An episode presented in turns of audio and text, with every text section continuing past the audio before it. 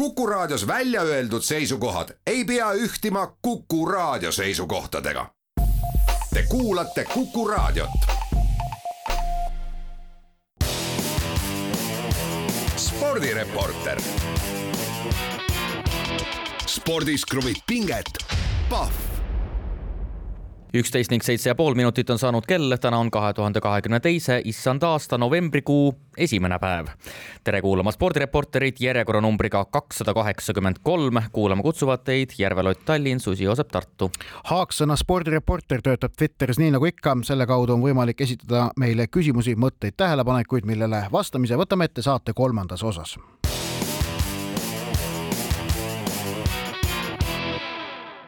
aga alustame saadet nagu ikka kiirete ja aktuaalsete teemadega ning eh, esimese teema puhul läheme ajas täpselt nädal aega tagasi, sellepärast et eelmisel teisipäeval veidi pärast seda, kui eh, olime oma spordireporteri saate lõpetanud, edastas eh, Heiki Nabi endapoolse pressiteate Eesti ajakirjandusele, kus andis teada, et temale määratud, Eesti antidopingu poolt määratud kaheaastane võistluskeeld letrosooli kasutamise eest jäi Rahvusvahelise Spordikohtu otsuse alusel jõusse.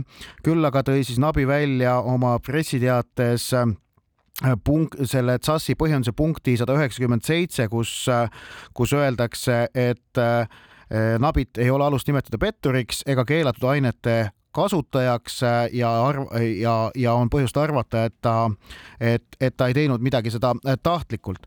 Äh, ent samas tõsi on ka see, et, et sellest ülejäänud otsuse jättis Heiki Nabi oma pressiteates edastamata ja Rahvusvahelise Spordikohtu täiemahulist otsust me jätkuvalt näinud ei ole mis viib mind äh, ikkagi selge järelduseni, et äh, või, või et ainuke asi, millest, mm, ainuke, ainuke fakt, millest praegu saab lähtuda, on ikkagi see, et kaheaastane võistluskeeld jäi jõusse. Eesti antidoping tegi õige ja õiglase otsuse jah, ja et kui me sel nädalal midagi teada saame, siis ilmselt äh, mõne tunni pärast, siis kui äh, teisipäevased spordisaated on ähm, lõppenud. millegipärast jah, läbi terve selle juhtumi on see nagu asjade avaldamise rütm olnud säärane, et, et teisipäeval alates kella ühest hakkavad asjad ilmuma, jah. jah, aga äh, see selleks, jah, ühelt poolt loomulikult õige, et põhiline järeldus, mis me teha saame, on seotud puhtalt sellega, et karistus jäi jõusse, ehk siis Äh, Heiki äh, Nabi äh, kehast leiti keelatud aineid ja nii see on ja kuidagi oma süütust põhjendada tal ei õnnestunud. Ja, ja minu arvates kõige, kõige paremini ähm, on selle ikkagi kokku võtnud äh, Tartu Ülikooli kriminoloogia professor Jaan Kinter, kes äh, seletab selle väga põhjalikult äh, spordipühapäeva saatesse lahti. Ja loomulikult selleks, et üldse sport toimiks, selleks on vaja teatud dopingureegleid ja dopinguvastane võitlus on natukene teistsugune kui tavaline noh, ma ei tea, kriminaalasi või kriminaalprotsess, et siin see ähm, ähm, loogika, kuidas, mida tuleb arvestada, on natukene teistsugune teistsugune selleks, et sport üldse toimiks, jah. et, et loomulikult me ei saa eeldada, et iga kord tuleb väga põhjalikult ära põhjendada just nimelt see, et sportlane ka ise teadis seda, ehk siis sportlase vastutus on oluliselt suurem, see nõndanimetatud süütuse presumptsioon ei toimi analoogselt teiste, teiste ühiskonnasfääridega. Kriminaalprotsess ja dopinguprotsess on kaks erinevat asja, tõestamis äh, nivoo on neis selgelt erinev. Ja äh, kriminaalprotsessis äh, oleks Heiki Nabi kindlasti jäänud süütuks, see on, see, see on selge, aga äh, dopingureeglid on teistsugused ning need on teistsugused põhjusel, et et muidu ei oleks tegelikult jah, tippspordi dopinguvaba toimimine võimalik ja äh, kogu tippspordi valdkond vastupidisel juhul oleks äh, mässitud lõpututesse ja ülimalt kulukatesse dopinguvaidlustesse. Need reeglid on lihtsalt kokku lepitud, et kui keelatud aine sportlase kehas on, siis sportlane vastutab isegi juhul, kui ta ei ole seda tarvitanud tahtlikult. see on kõigile teada algusest peale. Need reeglid on dopingus ja tippspordis kehtinud ja noh, ma usun, et ka jäävad kehtima ning äh, reeglitest kinnipidamine spordis on elementaarne jah, eh, et loomulikult või teistpidi eh, sõnastades siis tõesti sportlase enda vastutus eh, on väga suur ja, ja paraku paljudes situatsioonides on selline väga keeruline situatsioon, kus sa tegelikult oma vastutust täielikult ka ei kontrolli. Ja nii see paraku on ja tõepoolest nii-öelda tavapärast tõendamise kohustust noh, dopinguvastases võitluses ei saa dopinguagentuuridelt mitte kuidagimoodi nõuda. Ja see Oti põhjendus on minu arvates äh, väga selge. nii et äh, lõppjäreldus on ikkagi selline, et sõltumata sellest, äh, kuivõrd teadlik või mitteteadlik ähm, Heiki Nabi ähm, keelatud ainete tarvitamisest või tema kehasse sattumisest oli, me peame lähenema puhtalt ikkagi perspektiivist, et karistus jäi jõusse ja see dopinguaine oli seal olemas. kahtlemata tahaks muidugi lugeda Tsassi tervikotsust, sellepärast et praegu tõi Heiki Nabi ja, ja teda esindav advokaat Paul Keres on välja toonud ühe punkti sellest otsusest, see on punkt sada üheksakümmend seitse, mis tähendab, et selles otsuses ilmselt on, on veidikene üle kahesaja punkti äh, ning äh, nagu me mäletame erinevatest dopingujuhtumitest, nii Andrus Veerpalu äh, kui ka siin Seefeldi dopingujuhtumid, siis selle otsuse väiksemates punktides on sageli väga huvitavad ja olulised detailid kirjas. praegu on, on üks osapool ainult sõna võtnud, toonud välja ilmselgelt punkti, mis näitab neid soodsas soodsas valguses või niivõrd soodsas, kui see, kui see võimalik on. aga, aga on vaja ära oodata see tervikotsus ning ikkagi äh, ka, ka üks selline järeldus, mida minu meelest on praegu juba võimalik teha, et, et Heiki Nabit esindanud Paul Keres on minu meelest äh, kogu seda protsessi proovinud äh, maskeerida äh, Äh, kriminaalprotsessi reeglite järgi peetavaks, aga tegelikult nagu öeldud, seda on peetud dopinguprotsessi reeglite järgi, sest et, sest et ta on seda ning, ning äh, lisaks on nüüd ikkagi veel muidugi üleval ka küsimus, et kas Heiki Nabi soovib äh, karjääri jätkata ja, ja kui jah, siis kuidas Eesti spordiavalikkus sellesse suhtub? Ma arvan, et äh, suhtub väga hästi. Äh, ma arvan, et selles ei ole väga suuri äh, probleeme ja, ja tõesti Heiki Naabi noh, võimalus oleks juba päris varsti, nii et järgmisel aastal. ja. üheksateistkümnendal märtsil lõpeb võistluskeeld kahe aastaga. just, et tegelikult praegu oleks võimalik ju nii-öelda vormi laduda järgmiseks hooajaks juba, nii et see on, see on täiesti võimalik, aga, aga jah, siin tegelikult neid teoreetilisi küsimusi, mis põhimõtteliselt külgnevad selle lahendusega on loomulikult väga palju, aga, aga võib-olla jah, meelde tasuks tuletada, et eh, igasugune doping eh, ei olegi midagi objektiivset, vaid eh, või noh, oleneb tasandist, kuidas vaadata, aga see on rangelt kokkuleppeline, mis tulebki vaadata spordi kui terviku huvidest johtuvalt. Ehm, et missugused need piirid on, kuhu ma ühe aine nii-öelda kategoriseerin või mis aine on keelatud, mis mitte, see ei ole kuidagi objektiivne, vaid selles mõttes see on ikkagi kokkulepe, et sport või võimalikult tõhusalt ja võimalikult äh, väärtuspõhiselt äh, toimiks. vaata, see on, sa ütlesid ka, et, et see on spordi tervikhuvides, mul tekkis praegu peas paralleel eilse Riigikohtu otsusega, äh, mis ütles jah, et koroona erinevad piirangud rikkusid isikuvabadusi, aga suurema terviku huvides oli see vajalik sisuliselt sellepärast, et riigil on ka kohustus kaitsta oma, oma elanikkonda epideemia eest. ehk et noh, siin on samamoodi, et suurt tervikut, tervet tippspordi valdkonda kaitsmiseks on vaja dopingureeglite süsteemi sellisena, nagu ta on.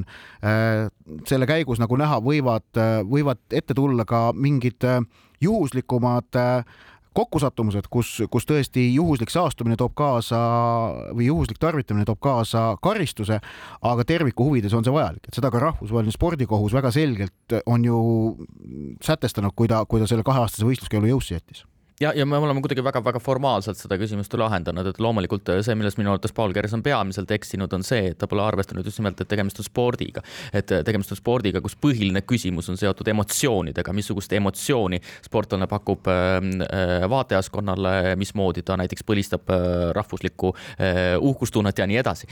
aga antud juhul ikkagi, kui me võtame ainult kinni sellest osast, sellest fragmendist, killukesest, mida Heiki Nabi tiim meile läkitas, siis eh, no võime tõesti öelda, et kui olukord on selline, et Heiki Nabi ei teadnud mitte midagi, see kõik oli väga juhuslik ja ta ei saanudki seda põhjusmõtteliselt kontrollida, siis loomulikult väga kahju sellest, väga kahju sellest, et eh, siis tuleb loomulikult kaasa tunda Heiki, Heiki Nabile ja, ja sellisel juhul loodetavasti Heiki Nabi noh, jätkab tippsportlasena ja, ja tuleval aastal tuleb tugevamana tagasi aga läheme edasi.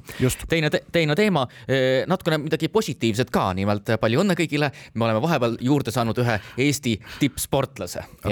noh, jah, see sõna positiivne ja negatiivne kasutamine dopingujuhtumite kontekstis, see on omaette teema, aga, aga. dopingujuhtumi järel. nii, jah ja., nii, lähme teema number kahe. Eh, jah, eh, nimelt otsustas Läti skeletonisõitja Darta Zunte, et esindab edaspidi Eestit. tegemist on ka maailmakarikasarjas kaasa löönud skeletonisõitjaga, seega tippsport sportlasega, eh, kes maailmakarikasarjas on eh, noh, olnud näiteks kahekümnes, kaheksateistkümnes eh, ja ta on vastu võetud ka Läti olümpiatiimi. ja Zunte ise Läti avalikus ruumis kommenteeris otsust sedamoodi. pärast pikka kaalumist otsustasin, et ma ei näe reaalset võimalust oma unistust Lätis realiseerida. Eestis on see olemas ja tuleb rõhutada, et ta saab Eestit hakata esindama põhjusel, et ta on sünnijärgne Eesti kodanik. ta on seni küll kasvanud üles Läti kodanikuna, aga kuna tal on äh, juured ka Eestis, on tal võimalik võtta sünnijärgne Eesti pass, mille ta, mis on tal käes ning ootab nüüd ainult rahvusvahelise alaliidu Äh, väikest paberimajandust, et see, et, et, et kõik nagu klaariks saaks. Äh, äh, sellisele juhuslikumale raadiokuulajale, kes rennialade spetsiifika täpselt kursis ei ole, siis olgu öeldud ka, et skeleton on see ala, kus kõhuli pea ees alla mööda renni sõidetakse selle kelgu, kelgupannikese peal. Jah, aga siin on minu arvates kaks sellist võib-olla laiemat küsimust. esimene on, et, et mil määral on see Eesti spordiväljal selline pretsedent ja teiselt poolt võiksime ette kujutada, mis oleks Eesti avalikkuse reaktsioon, kui mõni sportlane käituks vastupidiselt, jah. selle jätame õhku võib-olla. aga meil on ju näide olemas, Oksana Jermakova läks Venemaa lipu alla näiteks võistlema vehkleja üheksakümnendatel tuli, võitis Eesti ridades minu arust maailmameistrivõistlustelt medali ja, ja siis läks äh, Vene, Venemaa lipu alla võistlema. aga pretsedente varasemaid on ka muidugi ju tegelikult päris palju. Äh, väga mitmed Eestit taliolümpiamängudel esinenud mäesuusatajad on ju väliseestlased või väliseestlaste järeltulijad. Ähm, äh, noh, näiteks meenub ka jalgpallur Andreas Vaikla, kes on üles kasvanud Kanadas, väliseestlaste laps ja, ja, ja võttis noh, tal on Eesti pass ka ja ta otsustas jalgpalli hakata mängima Eesti eest, tõsi ta A-koondisest, ma ei mäleta, kas ta ühe või paar mängu kirja sai, aga, aga enam, enam ta seal ringis ei ole. Eesti saalihokikoondises on teatavasti rohkesti Rootsi päritolu mängijaid, kes on noh, tegelikult oleme ausad, üles kasvanud Rootsis rootslastena, aga kelle vanavanemad on eestlased, see, seeläbi on nad sünnijärgsed Eesti kodanikud. jah, ja kui näiteks praegust saalihokikoondist, me hakkame saalihokist natukene õige pea rääkima, et kahekümnest saalihokikoondise mängijast äh, äh, jah, ütleme kümme mängib praegu välismaal, üheksa Rootsis, üks Šveitsis, aga jah, kolmandik äh, mängijatest. Laias laastus on ikkagi sündinud ja, ja põhimõtteliselt pärit ikkagi Rootsi riigist. aga jah, neid näiteid on ka loomulikult kergejõustikus võib-olla kõige rohkem tähelepanu pälvinud ah, Adam Kelly ka muidugi just nimelt jah, et äh, ongi, aga jah, tõesti, mis neid kõiki teisi sportlasi ühendab, on see, et otsus e, esindada Eesti riiki on tõukunud paljuski asjaolust, et selles riigis, äh, kus nad on sündinud, üles kasvanud, e, ei oleks võimalik neil rahvusvahelisel tasandil läbi lüüa, näiteks olümpiamängudele üle pea pääseda või rahvuskoondisesse pääseda, kui me räägime saalihokikoondisest jah, aga kuidas ja, ja, ja siin on ju juures ka on ju siis see küsimus, et kuidas äh, me Eestis peaks sellesse suhtuma, siis minu meelest on siin on siin suhtumine ainuvõimalik, et kui inimesel on Eesti pass, siis on tal õigus Eestit äh, spordis esindada ja sellega on tegelikult nagu noh, jutul lõpp ka, et et, et kui, kui, kui ta tahab Eestit esindada, siis Eestis, Eestil, Eesti spordisüsteemi kõiki Äh, noh, võimalusi, hüvesid äh,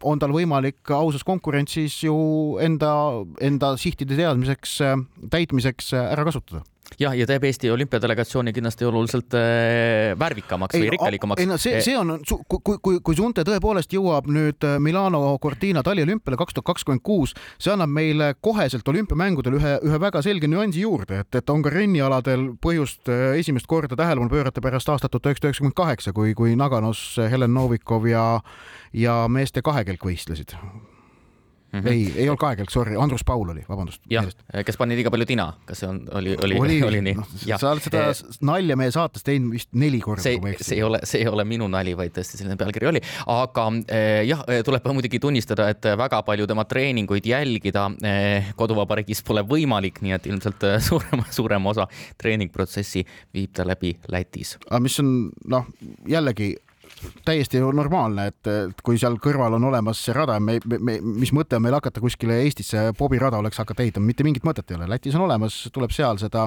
kasutada, aga läheme teemadega edasi ning teema number kolm ja liigume käsipalli juurde, sellepärast et meeste käsipalli tugevuselt kolmandas eurosarjas läksid vastamisi Põlva Serviti ja Viljandi HC Äh, ning kahe mängu kokkuvõttes Serviti pääses edasi skooriga kuuskümmend, viiskümmend neli, kodus võitsid nad avamängu ühe väravaga, võõrsil Viljandit veel viie väravaga.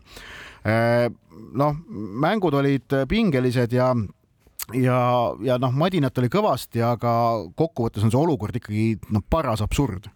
nojah, mis on eurosarja mõte üldse? ühesõnaga klubi mängib või meeskond, naiskond mängib tavaliselt koduliigas koduste konkurentidega, kellega oleks harjunud mängima ja eurosari lisab midagi hoopis teist, lisab rahvusvahelise tasandi. ehk siis mul on võimalik kaasa lüüa rahvusvahelises konkurentsis, siin on esiteks juba võrrelda oma taset teiste riikide olukorraga ja loomulikult on see ka põhimõtteliselt selline kultuuriruumide kohtumise, kohtumispaik, mis on tegelikult spordis, võistkonnaspordis, klubispordis ülimalt oluline. ja see on ka põhjus, miks valdav osa rahvusvahelisi eurosarju on vastu võtnud otsuse, et me üritame selliseid olukordi välistada.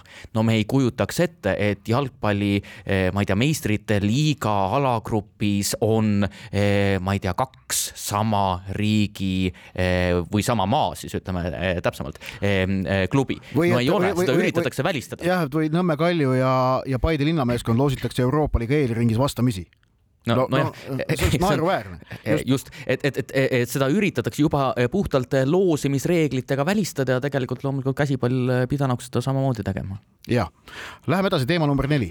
jah, me juba rääkisime natukene saalihokist, aga Eesti meeste saalihokikoondis alustab laupäeval Šveitsis maailmameistrivõistluste finaalturniiri alagrupis C-grupis siis on kõigepealt laupäeval vastasteks Singapur, siis mängitakse Kanadaga ja siis Tai koondisega kaheksandal novembril.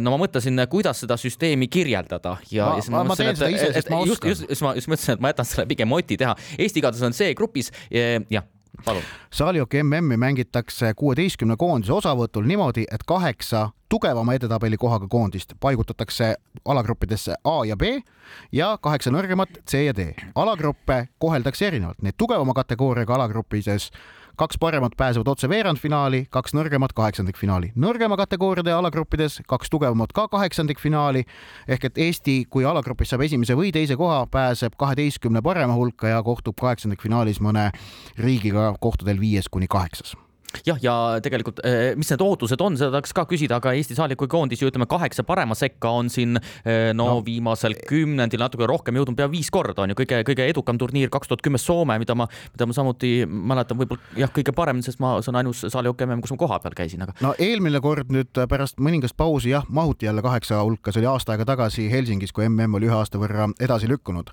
nii et äh,, nii et äh, see kaheksa hulka pääsemine on ilmselt see lakmuspaber, kas on MM õnnestunud või mitte mitte. ma isiklikult elan muidugi kaasa Eesti koondise kaptenile Roman Passile, kes mängib Eesti koondisest maailmameistrivõistlustel üheteistkümnendat korda. kui Rommi esimest korda aastal kaks tuhat kaks mängis, siis olin mina ka Eesti koondises. nüüd aga paus.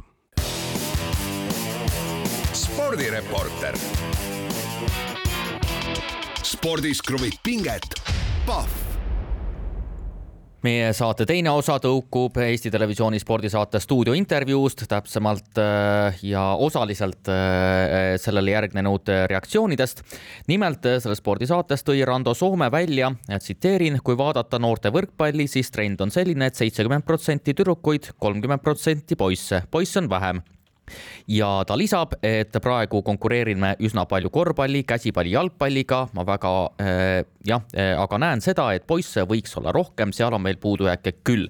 Äh, lõpetan tsiteerimise ja siin tegelikult kohe joonistub välja päris mitu küsimuste kobarat. kõigepealt võiksime esitada küsimuse, miks ei suutnud võrkpall oma hiilgeaegu ära kasutada, et poisse oleks väga palju pärast olukorda, kus Eesti mängis ikkagi Euroopa mõistes harukordselt kõrgel tasemel. teiseks, kas tegemist on loomuliku asjade seisuga ja kolmandaks, kas see on ainult ühe huvigrupi probleemperspektiiv või siis äh, laiemalt äh, murekoht äh, Eesti spordis tervikuna? Äkki ennem kui nende küsimuste juurde läheme, mainime ära ka siis selle võistlustulemuse, millest tulenevalt kogu see arutelu tegelikult ka ETV Spordistuudios äh, puhkeses või, või, või peeti. ehk et pühapäeval oldi siis, oli siis Eesti-Läti ühisliigas äh, või see on Balti liiga tegelikult, vastamisi olid äh, Selver TalTech ja Tartu Bigbank ning ülimalt põneva mängu Tartu Bigbank võitis viiendas game'is ja viies game viisteist, kolmteist ehk et tõeline triller maha mängiti ning noh, prognoosid, mis selle järel kostusid, on, et, et, et et ilmselt ikkagi TalTech ja Tartu sel hooajal peaksid äh, Pärnust ja Võrust üle olema, et tegelikult Eesti meistrivõistluste finaalis võiksid need kaks võistkonda omavahel vastamisi minna. aga äh, noh, kuidas see hooaeg täpseks, täpselt välja kujuneb, äh, seda näeb järgnevate kuude jooksul, tuleb rõhutada ka, et mängitakse tänavu Balti liigas neli ringi ehk et need tipud omavahel kohtuvad päris mitu korda. aga nüüd need küsimused, mis sa, Joosep, tõstatasid, et no natukene väikene sportlik osa sissejuhatus oli ka vajalik ikkagi jah, ma tegelikult äh, alustaksin äh, kuskilt lõpust ikkagi nende küsimustega, et äh, kas see on ainult ühe huvigrupi probleem, kas siin üldse on mingisugune probleem ühelt poolt spordisiseselt või siis ma ei tea, laiemalt kultuuriliselt, kas, kas me näeme siin mingisugust probleemi, mida Rando Soome justkui probleemina käsitleb, et kas see probleem on ainult selle huvigrupi sisene probleem või, või, või?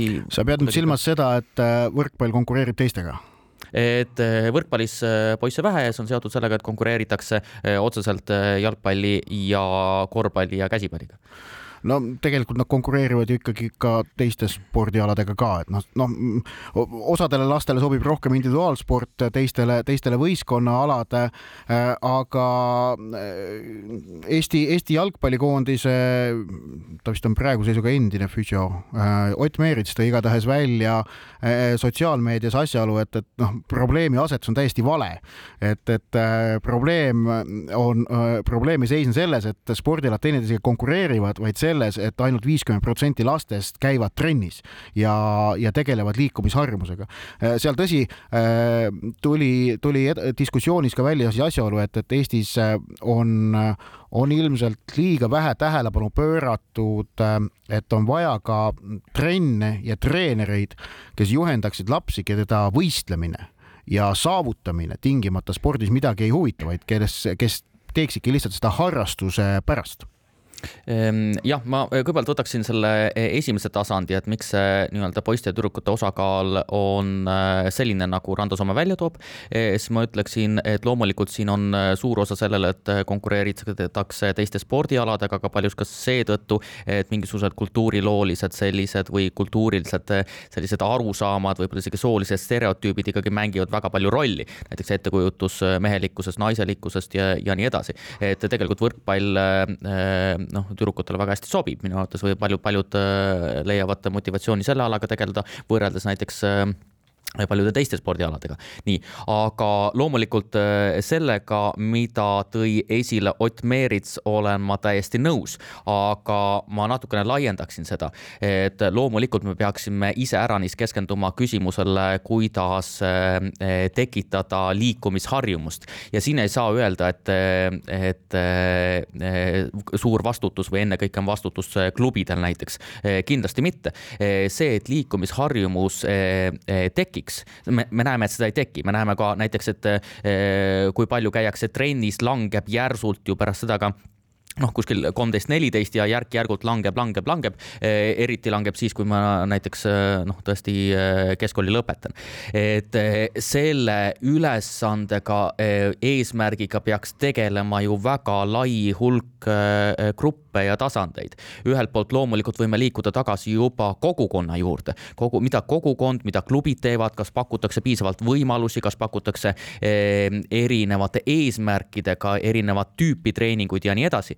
Aga loomulikult liikumisharjumuse kujuneb üks ülioluline külg on see, kuidas ma reflekteerin eh, üldse seda, et ma liigun, kuidas ma mõtestan seda, et ma liigun eh, ja nii edasi ja see on kogu haridussüsteemi ülesanne, mitte ainult näiteks kehalise kasvatuse tunni või liikumisõpetuse tunni ülesanne, see on laiemalt eh, see, et ma mõtestan oma liikumist ja ma loon endale sellise harjumuse pidevalt liikuda ja see on, see on kõige olulisem, rääkimata sellest, et see on seotud vanemaharidusega ja nii edasi, nii et väga kompleksne küsimus.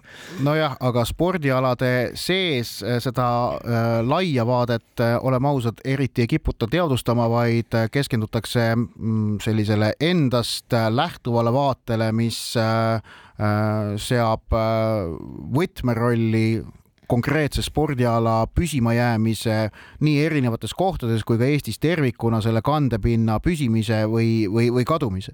ehk et lähenetakse hoopis eksistentsiaalsemal tasandil spordialade poolt vaadatuna jah, eh, aga ma ütleks, et see perspektiiv ei ole täiesti vale, et loomulikult eh, eri spordialad võiksidki loomulikult eh, ka populariseerida enda, enda spordiala, seista hea just nimelt enda spordiala eest, aga et täielikult elimineerida see laiem pilt, laiemad küsimused, mis üldse, ma ei tea, Eesti ühiskonnale on võib-olla kõige olulisemad, kuhu saab üks spordialaliit panustada, vaat seda, seda tasandit ei saa ära unustada. ja küll aga on, on vale see, kuidas ühed spordialad teisi halvustavad ja, ja ennekõike rünnatakse muidugi jalgpalli jalgpalli, mis on põhjendamatu, sellepärast et jalgpalli roll äh, liikumisharrastuse elus hoidmisel äh, noorte, noorte seas on, on ju juhtiv, sellepärast et sellega tegeleb kõige rohkem noori. nüüd aga väikene paus ja siis võtame ette kuulajatelt laekunud küsimused.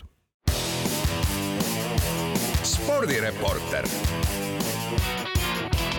spordis kruvib pinget, Pahv spordireporter jätkab ning nagu ikka, saate kolmas osa kuulub kuulajatelt laekunud küsimustele ning alustame sedapuhku Kirilli läkitatud küsimusega. ta tahab teada, lugesin Õhtulehes pikka lugu sellest, et Eesti korvpallis on vähe vene rahvusest sportlasi, vastupidiselt näiteks jalgpallile. milles asi? kas spordireporterid oskavad omalt poolt kommenteerida, kus on kurja juur ja kas seda tuleks pidada raisatud potentsiaaliks või asjade loomulikuks seisuks? No tegelikult sellest küsimusest on räägitud siin juba mõnikümmend aastat. Eh, jah, et, et kui me vaatame Eesti korvpallikoondist ja võrdleme seda Eesti jalgpallikoondisega, siis eh, vene rahvusest mängijaid on oluliselt vähem ja arvestades, jah, Ott tahtis kohe midagi vahele selle. ei no jah, ja võrkpallis on natukene rohkem kui korvpallis, aga tegelikult see proportsioon ei ole võrreldav eh, jalgpalliga jällegi, jah jah, ja siin tegelikult neid muutujaid on loomulikult ju äh, taaskord harukordselt palju, aga ma kõigepealt lahendaks ära küsimuse, et kas siin on üldse äh, mõtet rääkida sellest, et kus on kurja juur, et äh, kas siis on tõesti see väga karm situatsioon või kas see tekitab hämmastust? otseselt mitte, minu arvates on täiesti loomulik, et eri, eri kogukondades ka kujuneb välja noh, kujunevad välja ja ka eri regionaalsetes kohtades, piirkondades kujunevad välja noh, erinevad treenerid näiteks näiteks ja harjumus äh, või selline noh, muster, et äh, käiakse ähm, ühe või teise spordiala trennis.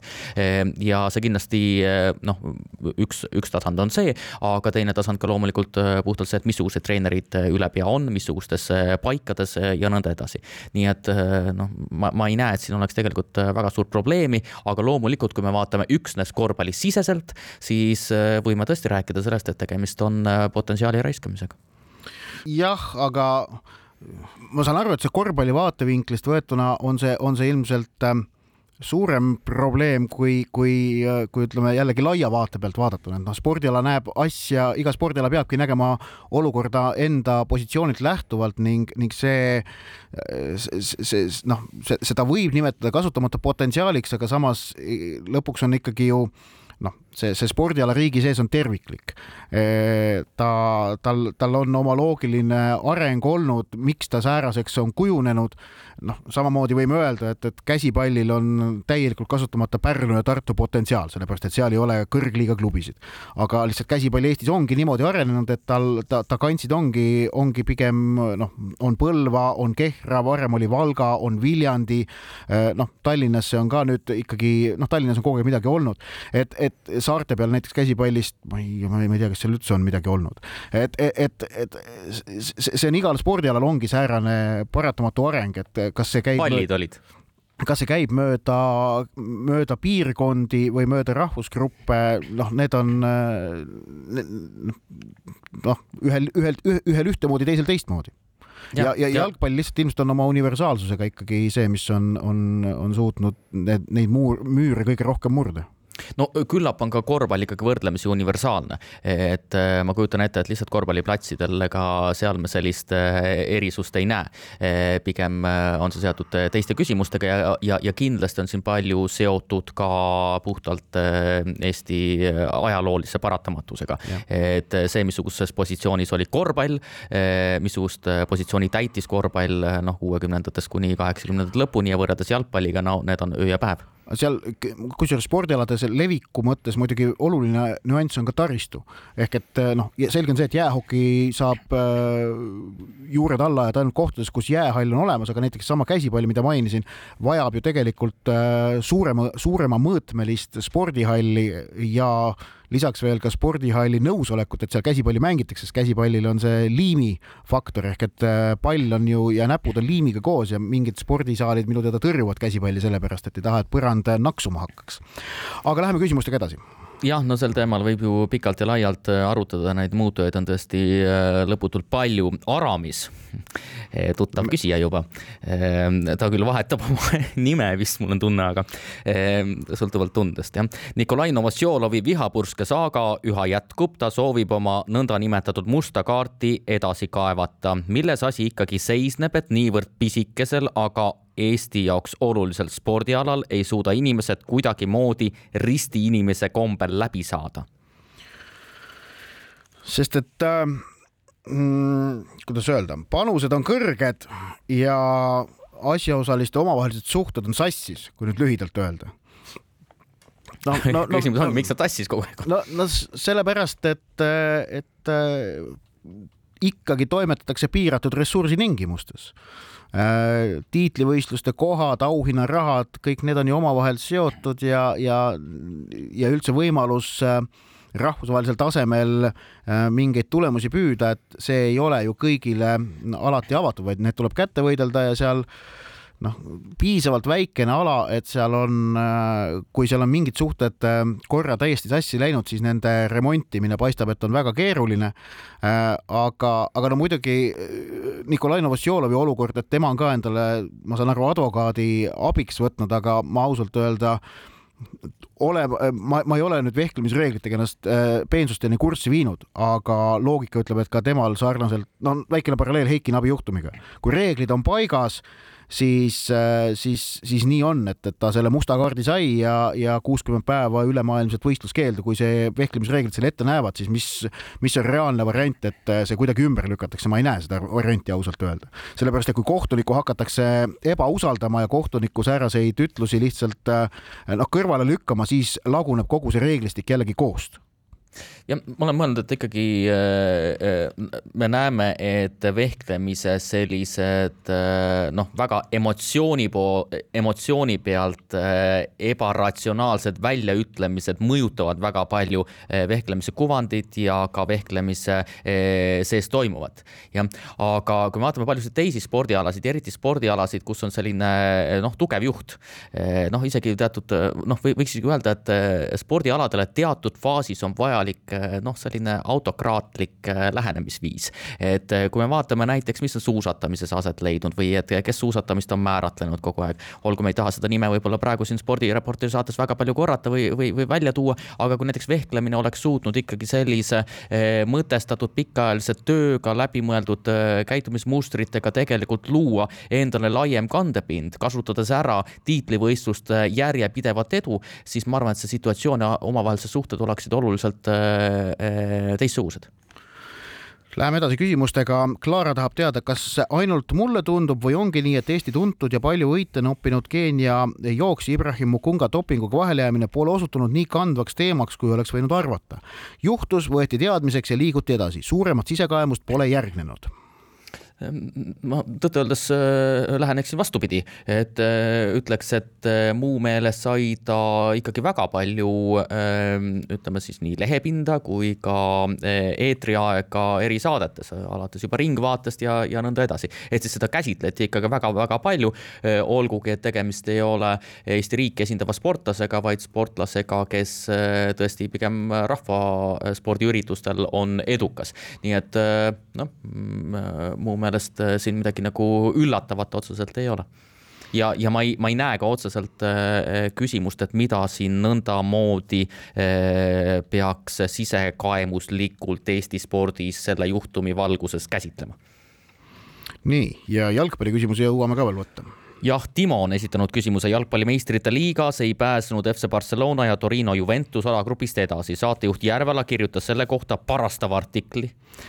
Kas see tähendab, et Barcelona või Juventuse kohtumisi kommenteerides on Järvela ka nende võistkondade vastu? Selle artikli lõpus ma veel väga selgelt tõin välja, et äh, antipaatia pole seotud ei võistkondade, nende liikmete äh, sportlike ambitsioonide või sooritustega, vaid väga selgelt äh, nende klubide juhtkondade tegevusega Euroopa jalgpallisüsteemi lõhkumisel, mida Barcelona ja Juventus koos Madridi Realiga soovivad korda viia. Nemad peavad jätkuvalt superliiga nimeli, nimel ju, ju võitlust. nii et ei ole üldse Barcelona või Juventuse vastu vaid, vaid kirjeldan nende väljakutseid samamoodi nagu kõiki teisi, kui mis, mis neil kohtumise käigus eh, esile võivad, ette võivad tulla ma, ma siis äh, küsin täpsust, esitan täpsustava küsimuse, et kas sa kirjeldad situatsiooni lihtsalt parastavas registris? ei, no tähendab äh, ei, no, no kui, kui, kui Barcelona, no võtame näiteks näite, kui Barcelona äh, läheb äh, külla noh, mõnele outsiderile ja kaotab, siis on ju spordireportaažis loogiline, et äh, outsiderile elatakse mõnevõrra intensiivsemalt kaasa. üllatus on, tähendab see, kui Barcelona kaotab, äh, võtame näiteks mingisuguse noh, ma ei tea, Plzeeni Victoriale, see on suurem sündmus kui see, et Barcelona võidab Plzeeni Victoriat ja seetõttu ka reaktsioon Barcelona võimalikule kaotusele oleks kindlasti oluliselt, äh, oluliselt, kuidas öelda, noh, noh, noh, intensiivsem jah, eh, kusjuures eh, see on pigem väike eh, rahvaste omadus elada outsider itele kaasa, et suuremates riikides see nii selgelt välja ei joonistu. vot, aga nüüd on väikene paus ning siis tõmbame spordireporterile täna joone alla. spordireporter. spordis kruvib pinget, Pahv spordireporter alustab oma tänase saate viimase osaga, Joosep Susi jätkuvalt Tartus, mina Ott Järvela Tallinnas ning räägime ettevõtete eriti suurettevõtete mõjust maailma tippspordile ning johtub meie jutt Red Bulli energiajoogi kontserni ühe omaniku, Dietrich Mateschitzi äh, surmast. Ähm, austerlane, kes selle Red Bulli suureks ja üle maailma kuulsaks tegi, lahkus üle-eelmisel nädalal seitsmekümne kaheksa aasta vanusena ning äh, näiteks äh, portaal The Athletic kirjutas selle peale või sellest tulenevalt äh, pikem artikli, kus selgitab, kuidas äh, Mateschitsi lahkumine võib äh, muuta nii Saksamaa kui Austria jalgpallimaastikku, sellepärast et muude ettevõtmiste hulgas on, on, on, on tema eestvedamisel üles ehitatud Red Bull Salzburgi jalgpalliklubi, mis on Austria meistriks tulnud, kui ma ei eksi, üksteist aastat järjest ning ka RB Leipzigi jalgpalliklubi Saksamaal, mis Saksamaa meistriks küll tulnud ei ole, aga võitis kevadel karika ning on nüüd päris regulaarseks meistrite liiga külaliseks saanud. ehk et äh, e, on, on kahtluse all, et kui, kui Mazetitšil oli Matešitsil, vabandust, oli äh, väga selge visioon ja tahtmine tippsporti väga suures ulatuses iga-aastaselt ja pidevalt äh, äh toetada ja rahastada.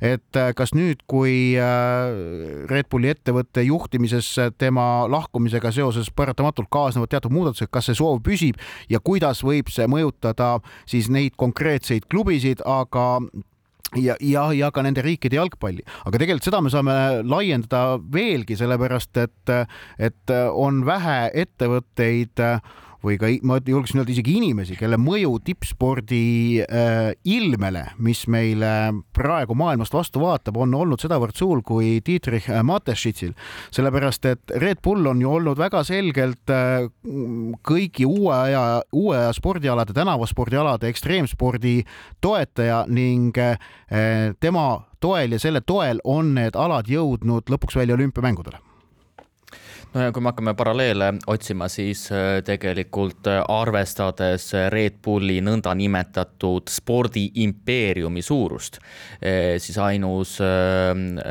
võrdväärne näide on seotud Coca-Colaga, kes juba kahekümne kaheksandast aastast olümpiamängudest on olnud ikkagi selline spordivälja kese. et noh, mingil määral võime tuua ka sporditarvete firmasid juurde nagu Nike või midagi sellist, aga ütleme tõesti niivõrd tugevad sellist spordiimpeeriumit pole ikkagi teised äh, suurfirmad suutnud luua. ja missuguse nihke on Red Bull teinud, iseasi, kas see on positiivne või negatiivne, siin on väga palju kriitilisi äh, külgi juures ikkagi, esiteks, mida üldse tegelikult äh, Müüakse. soovitakse müü-, müüa jah, et see on, see on juba noh, jah, teine küsimus aga, aga selge nihe on äh, ka sellel sihtgrupil, et Red Bull äh, ju alustas ikkagi no tegelikult üheksakümnendate lõpus alles äh, laiemalt spordiväljal tegutsemist. ja väga selgelt võeti ju sihtgrupiks vanus kaheksateist kuni kolmkümmend neli aastat. ütleme umbes sellises vanuses inimesed on need, keda, keda tuleb ikkagi nii-öelda kätte saada peamiselt. ja, ja loomulikult arvestades, et missuguste toodetega tegemist on, siis see pole ime nüüd on olukord natukene teistsugune, nüüd on olukord see, et eh, üritatakse sihtgrupina käsitleda ka oluliselt nooremaid inimesi. ja tõesti, spordiimpeerium on toonud selle väga selge nihke, et kõigepealt ju alustati ikkagi just nimelt noortepärastest spordialastest, ekstreemspordialadest, hoopis teistsugune eh, eh, spordile lähenemise loogika, kui paljud, ütleme, sellised teised firmad, mis üritavad kätte saada ka nii-öelda traditsioonilisi, natukene higisemaid spordialasid nii-öelda, kui robustselt väljendada. ja teiselt poolt üritatakse just nimelt selliseid Eh, spordialasid enda kätte saada, eh, mis on noh, väga eh, kommertslikud, jah alates sellest, et vormel üks tiimid, just nimelt jalgpall ja nüüd tegelikult üritatakse väga selgelt liikuda ka selliste alade suunas, mis kuidagi eri regiooniti on väga olulised, näiteks üritatakse ikkagi rugby-väljale sisse tungida ja nii edasi. jah, ja noh, samas on ja, ja fenomenaalne on siis vast see, et sa tõid välja seal jah, Nike või Coca-Cola, aga noh, kes sporditarvete firma, sellel on see, ta, ta on, ta, ta, ta toodang on otseselt spordiga seotud, aga ma arvan, et kui me võtame siis, jätame sporditarvete firmad kõrvale, siis see, kuivõrd palju Red Bulli üldse kogu see ärimudel on sõltuvuses tippspordist, äh, kuigi see toode ei ole tippspordiga seotud, siis see on, on ilmselt maailmas selgelt nagu number üks ja erakordne, et, et nad on väga selgelt ennast selle valdkonna pealt üles ehitanud ja erakordne on ikkagi see, et me oleme näinud seda, et sponsorid väga palju mõjutavad äh, spordialade toimimisloogikat, jah, äh, äh, sunnivad vastu võtma otsuseid, sponsorite heaolu kuvand on see, see väga oluline külg. aga Red Bull on tegelikult ka näide, kuidas suur firma suudab muuta spordi sisemisi jõujooni, eh, spordi sisemisi mehhanisme, ehk siis mis spordiala näiteks on olümpiamängudel, mis mitte, mis spordialad on populaarsemad, mis mitte. no see on, eh, ühelt poolt võiks öelda, et see on natukene ettevaatlikuks tegev näide, aga teiselt poolt see on kindlasti ütleme, selline tendents, mida me nüüdis eh, kultuuriruumis ei saa kuidagi üllatavaks pidada. meil on aeg liikuda soovituste juurde jah, eh, mina tavaliselt Eesti jalgpalli meistriliigat ei eh, soovita saate lõpus vaadata sedapuhku küll, nimelt kolmekümne viies voor, eelviimane voor ja vastamisi lähevad eh, Paide linnameeskond ja Nõmme Kalju. mäng leiab aset siis kuuendal novembril ehk siis eeloleval pühapäeval ja olgu öeldud, et mängitakse sisuliselt kolmanda koha peale. Nõmme Kaljul praegu kuuskümmend kaks punkti, Paide linnameeskonnal kuuskümmend üks punkti.